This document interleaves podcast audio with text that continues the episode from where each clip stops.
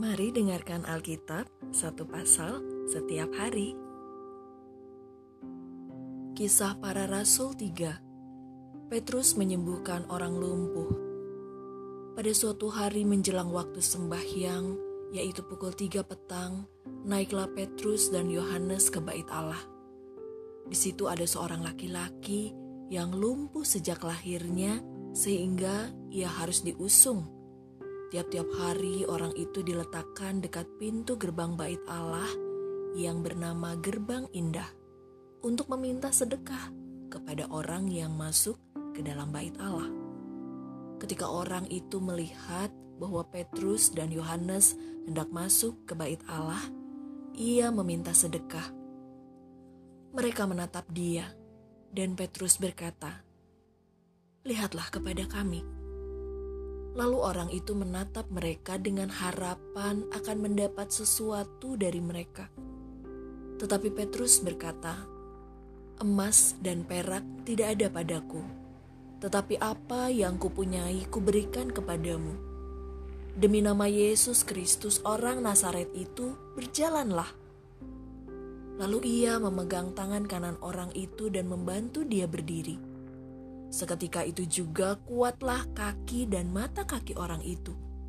Ia melonjak berdiri, lalu berjalan kian kemari dan mengikuti mereka ke dalam bait Allah, berjalan dan melompat-lompat serta memuji Allah. Seluruh rakyat itu melihat dia berjalan sambil memuji Allah, lalu mereka mengenal dia sebagai orang yang biasanya duduk meminta sedekah di gerbang bait Allah sehingga mereka takjub dan tercengang tentang apa yang telah terjadi padanya. Khotbah Petrus di Serambi Salomo Karena orang itu tetap mengikuti Petrus dan Yohanes, maka seluruh orang banyak yang sangat keheranan itu datang mengerumuni mereka di serambi yang disebut Serambi Salomo.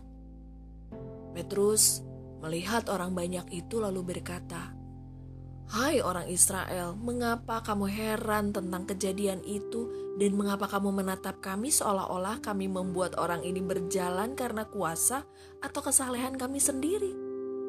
Allah Abraham, Ishak dan Yakub, Allah nenek moyang kita telah memuliakan hambanya, yaitu Yesus yang kamu serahkan dan tolak di depan Pilatus, walaupun Pilatus berpendapat bahwa ia harus dilepaskan tetapi kamu telah menolak yang kudus dan benar, serta menghendaki seorang pembunuh sebagai hadiahmu.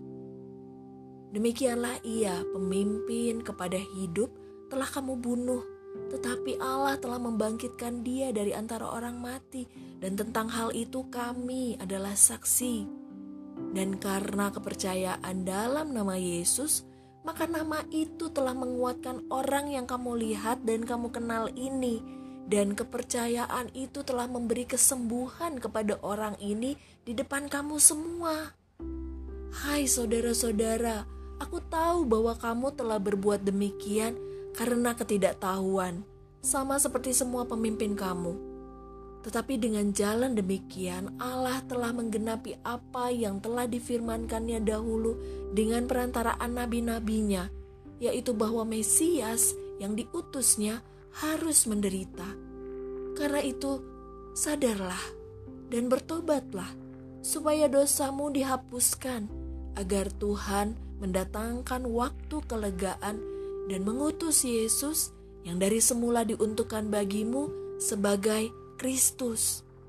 Kristus itu harus tinggal di sorga sampai waktu pemulihan segala sesuatu seperti yang difirmankan Allah dengan perantaraan nabi-nabinya yang kudus di zaman dahulu.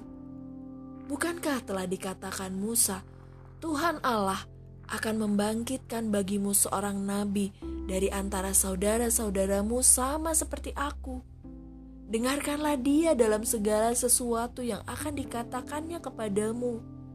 Dan akan terjadi bahwa semua orang yang tidak mendengarkan nabi itu akan dibasmi dari umat kita dan semua nabi yang pernah berbicara, mulai dari Samuel dan sesudah dia, telah bernubuat tentang zaman ini.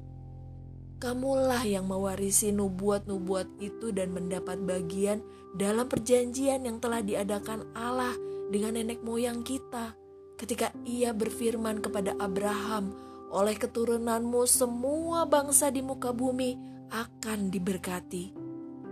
Dan bagi kamulah pertama-tama Allah membangkitkan hambanya dan mengutusnya kepada kamu, supaya ia memberkati kamu dengan memimpin kamu masing-masing kembali dari segala kejahatanmu.